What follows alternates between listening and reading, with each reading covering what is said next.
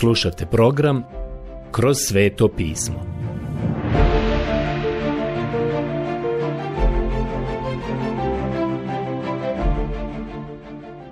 Knjiga Prva Samuelova Odlomak Prva Samuelova Poglavlje 24 od prvog stiha do poglavlja 25 24. stiha Prijatelji Nastavljamo pratiti Davida koji je i dalje u bjekstvu od Šaula, progone ga.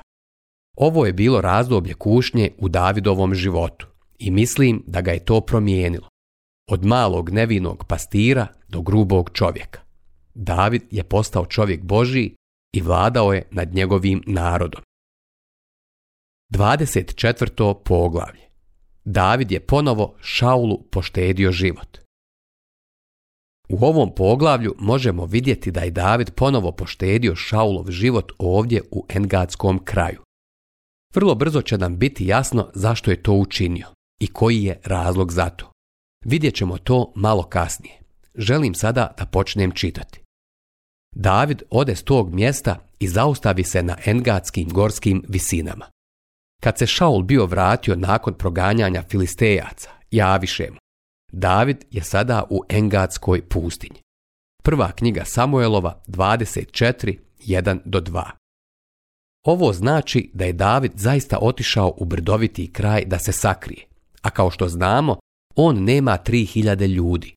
Šaulova vojska je brojčano mnogo veća nego što je Davidova.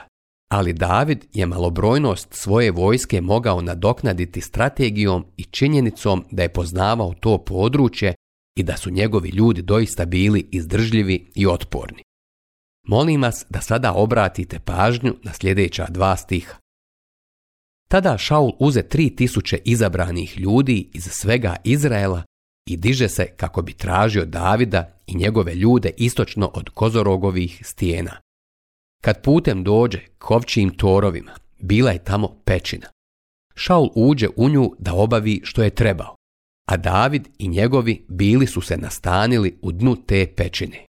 Prva knjiga Samuelova 24.34 Šaul je sada došao u istu pećinu u kojoj se i David skrivao. Naravno, njegovi ljudi su na straži, ali stražare vani, ne i u unutrašnjosti te pećine. Omogućuju svome kralju da ima privatnost. Primijetite šta se dogodilo dalje. Davidovi ljudi rekoše mu, eto, ovo je dan za koji ti reče gospodin, evo, predaću ti u ruke tvojega neprijatelja da učiniš s njim što te volja. David ustade te neopaženo ocijeće skut Šaulova plašta. On je tiho i nečujno prišao i samo odrezao donji dio plašta kralja Šaula. Ali poslije osjeti David grižnju u savjesti što je bio ocijekao rub plašta Šaulu i reče svojim ljudima Gospodin neka me očuva da tako što učinim svojemu gospodaru, gospodnjem pomazaniku, i da podignem ruku svoju na nj, jer on je gospodnji pomazanik. Prva knjiga Samuelova 24, 5 do 7. Ono što David ovdje radi jeste iskazivanje časti kralju, ne čovjeku. Poštuje njegovu ulogu i poziciju, ali ne i čovjeka koji je na toj poziciji. Možete primijetiti da David iako je bio progonjen od Šaula, nikada nije podigao ruku na njega. Zašto? Zbog činjenice da je Šaul bio Božiji pomazanik i David je prepustio Bogu da se pobrine za njega. O kada bismo samo mogli doći do tog nivoa da i mi prepustimo Bogu da se nosi sa našim neprijateljima. Većina nas želi da se sami nosimo sa njima, ali Bog može uraditi bolji posao sa njima. Sjećate se da je on rekao, moja je osveta, ja ću je vratiti. Poslanica Rimljanima 12.19. Ovo jednostavno znači sljedeće. Bog kaže da kada vi i ja uzmemo te stvari u svoje ruke, mi tada više ne hodamo po vjeri, ne vjerujemo njemu. Ono što mi tada zapravo govorimo jeste sljedeće. Gospode, ne možemo ti vjerovati da ćeš ovo riješiti onako kako mi to želimo, pa ćemo zato uzeti stvari u svoje ruke. David je prepustio Bogu da se pobrine za kralja Šaula. Ja mislim da će gospod napraviti prilično dobar posao prije nego što završi sa njim. Čitat ćemo sada od 8. do 11. stiha. I ukori David svoje ljude i ne dopusti im da ustanu na Šaula. Kad je Šaul bio ostavio pećinu i pošao dalje svojim putem, David nije dozvolio svojim ljudima da naude Šaulu. Reći ću vam da nekolicina tih ljudi nije imala nikakve koristi od Šaula i ubili bi ga u trenutku, ali David to nije dozvolio. Ustade David, iziđe iz pećine i povika za Šaulom. Gospodaru i kralju moj. Kad se okrenu Šaul, baci se David licem na zemlju i pokloni mu se. Kao što vidite, on ga poštuje. U pitanju je njegova pozicija, a ne toliko on sam kao čovjek. Tada viknu David Šaul. Zašto slušaš što ti kažu ljudi koji govore da David misli na tvoju propast? Evo, na današnji dan vidio si vlastitim očima da te je gospodin u pećini bio predao u moje ruke. Nagovarali su me da te ubijem, ali sam te poštedio i rekao, neću dići svoje ruke na svojega gospodara, jer on je gospodnji pomazanik. Prva knjiga Samuelova 24, 8 do 11. David je zapravo sada pokazao kralju Šaulu da ne želi da ga ubije. Naravno, Šaulu su pogrešno govorili u vezi toga. David je često bio pogrešno shvaćen i mislim da su ga i prijatelji i neprijatelji često klevetali i krivo predstavljali. Tako i ovdje možemo vidjeti da on veoma jasno daje do znanja Šaulu da uopšte nije imao namjeru da mu naudi niti da ga ubije. Sada ću se spustiti niže u našem tekstu. Dakle, ono što imamo ovdje jeste da je David veoma jasno dao Šaulu do znanja da ne želi da ga ubije. David bi volio da Šaul prestane da ga lovi i progoni. Međutim, ovdje dolazi do još većeg antagonizma među njima, jer je Šaul u ovom trenutku opsjednut demonima. To je moje mišljenje. Zao duh je došao na njega. Dozvolite mi da pročitam ova posljednja tri stiha. Sada ću pročitati 21. stih. Sad znam sigurno da ćeš biti kralj i da će po tebi postojati Izraelovo kraljevstvo. Prva knjiga Samuelova 24.21 Zapazite sada Šaulovu izjavu koja se nalazi ovdje. Ovo je nešto prilično nevjerovatno. Šaul je to znao. Bio je veoma dirnut onim što je David učinio. Ovdje nam je rečeno da je plakao, a sada Šaul priznaje da zna da će David postati kralj. Zatim izgovara sljedeće riječi. Zato mi se sada zakuni gospodinom da nećeš istrijebiti mojih potomaka iza moje smrti i da nećeš mojega imena iskorijeniti iz moje očinske kuće. David se zakle Šaulu. Tada se Šaul vrati kući, a David ode sa svojim ljudima na gorsku visinu. Prva knjiga Samuelova 24, 22 do 23. David mu ne vjeruje. David ponovo ide u pustinju kako bi se sakrio, jer zna da će ponovo doći dan kada će Šaul opet krenuti u potjeru za njim. 25. poglavlje Samuel umire, David sreće Abigailu. David je izvanredan čovjek, a ovo 25. poglavlje nam to otkriva. Ovdje imamo opisanu smrt Samuela koji je već bio u penziji, nakon toga vidimo kako je David susreo Nabala i Abigailu. David je ovdje bio blizu toga da počini veoma nepromišljen čin, ali ga je ova veoma divna žena po imenu Abigaila spriječila u tome. Ovo je jedan od važnih trenutaka u Davidovom životu. Samuel umire. Dozvolite mi sada da pročitam prvi stih u 25. poglavlju prve knjige Samuelove. U to umre Samuel. Sav se Izrael skupi i održa mu tugovanje. Pokopaše ga kod njegove kuće u rami. Jednog dana ustade David i siđe u pustinju Paran. Prva knjiga Samuelova 25.1. David se sada zapravo udaljava, jer zna da je Samuel bio neko koji je zapravo predstavljao silu dobra, on je bio sredstvo odvraćanja koje je sprečavalo da se Šaulova gorčina i mržnja iskale na Davidu. David je znao da je u trenutku kada je Samuel umro, nestala i neka vrsta tampon zone koja se nalazila između njega i kralja Šaula i da će sada Šaul učiniti sve da ga pokuša uništiti.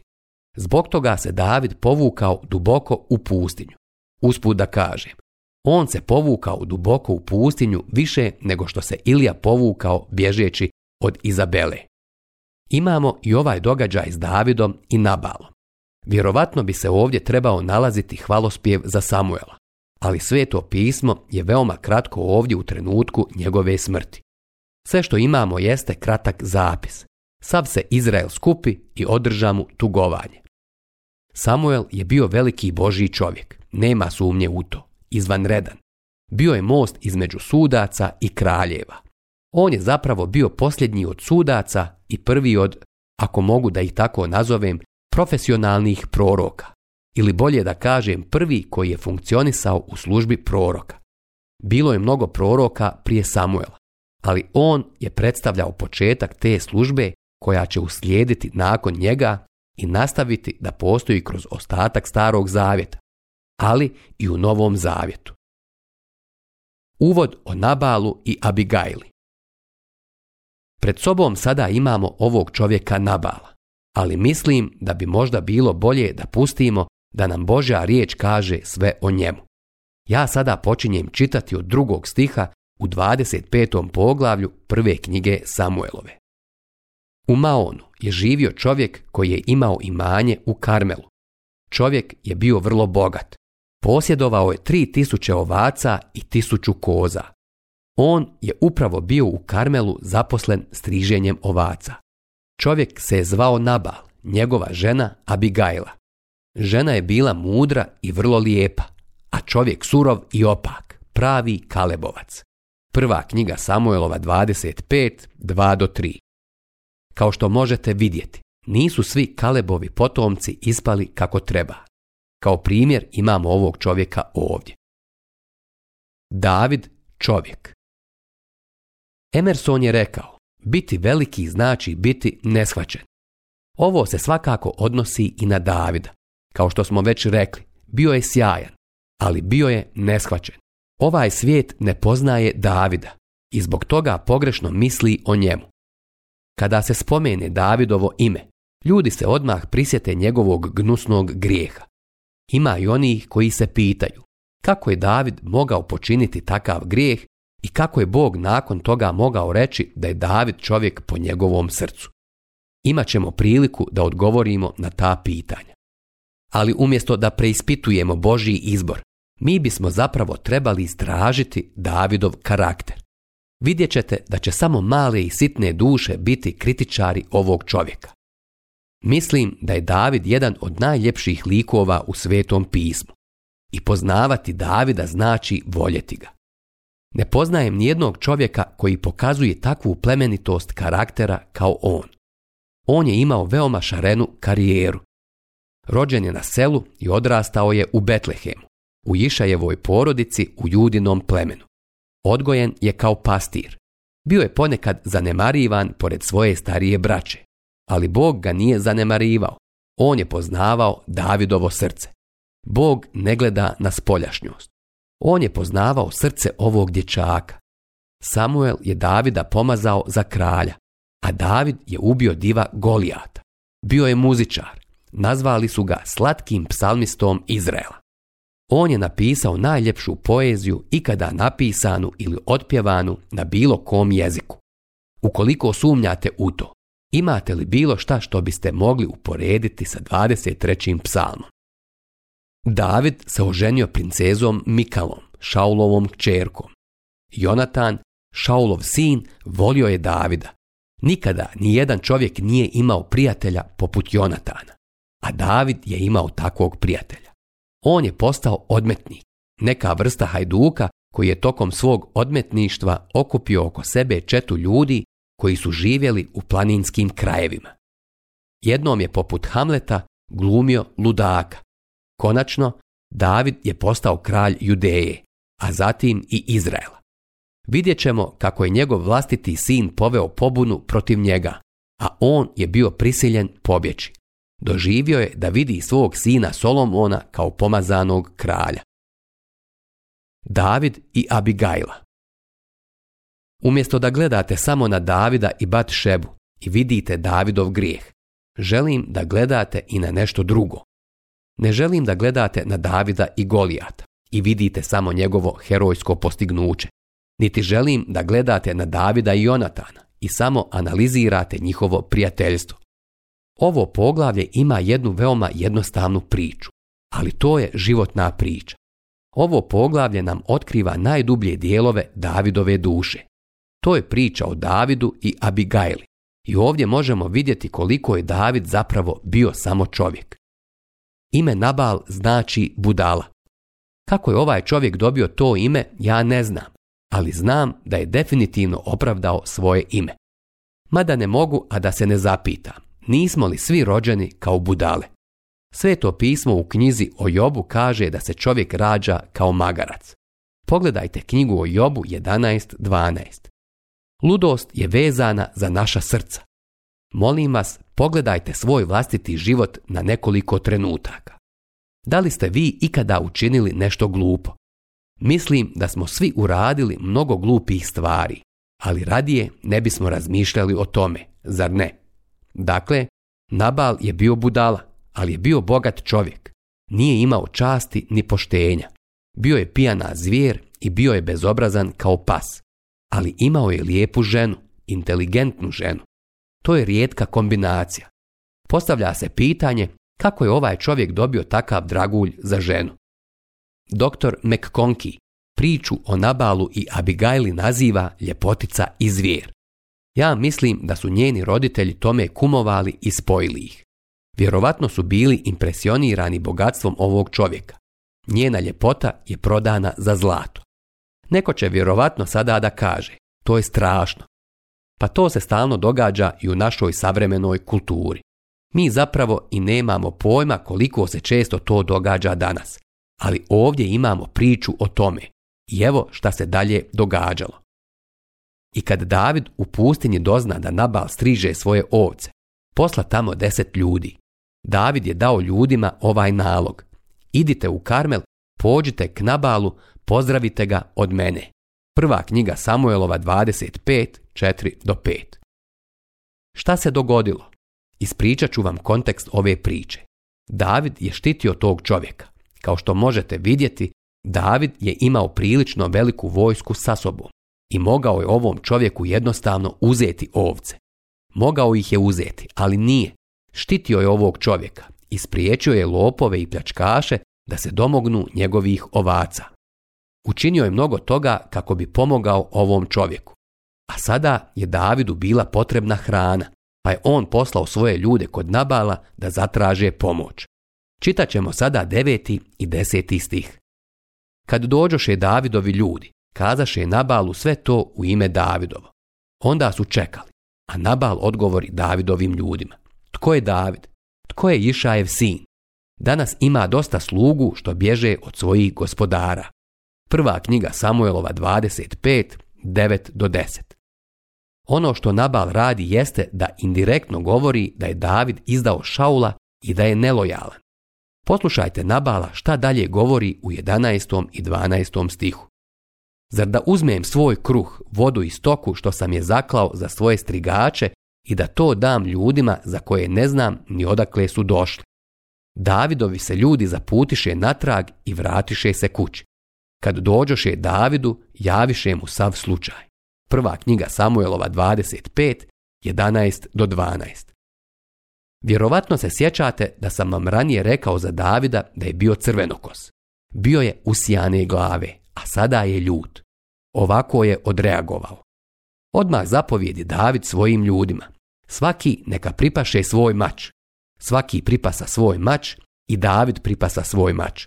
Onda iziđoše pod Davidovim vodstvom jedno četiristotine ljudi. Dvijesta ih osta kod prtljage. Međutim, jedan od slugu dojavi Nabalovoj ženi Abigajli.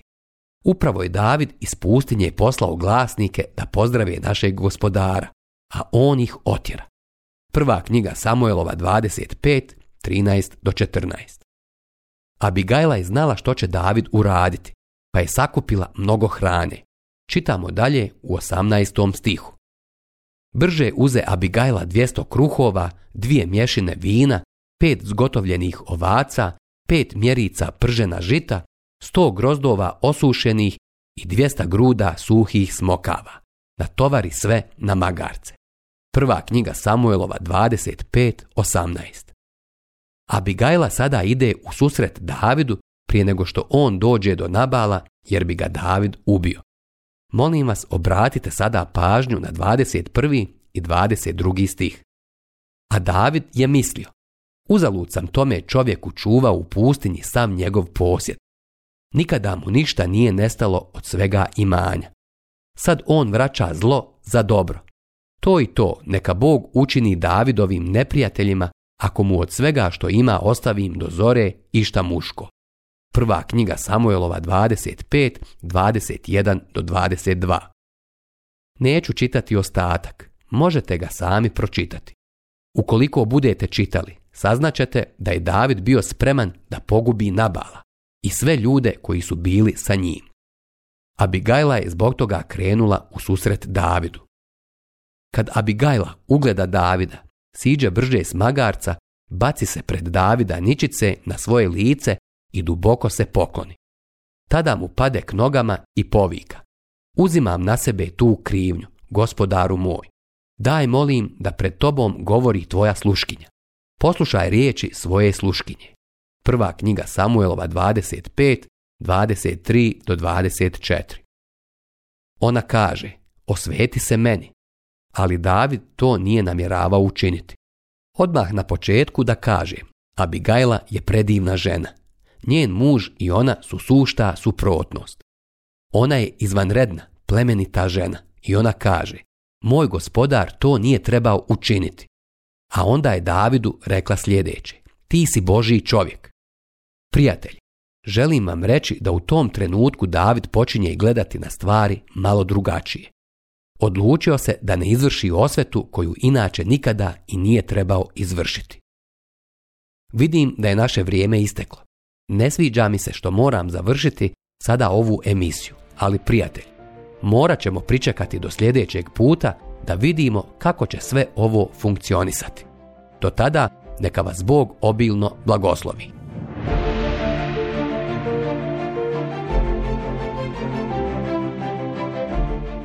Slušali ste emisiju Kroz sveto pismo. Možete nas slušati i na našem YouTube kanalu putem mobilne aplikacije – te na svim glavnim podcast platformama kao što su Google, Apple i Spotify. Ako vam se naši programi dopadaju, preporučite ih i podijelite s drugima.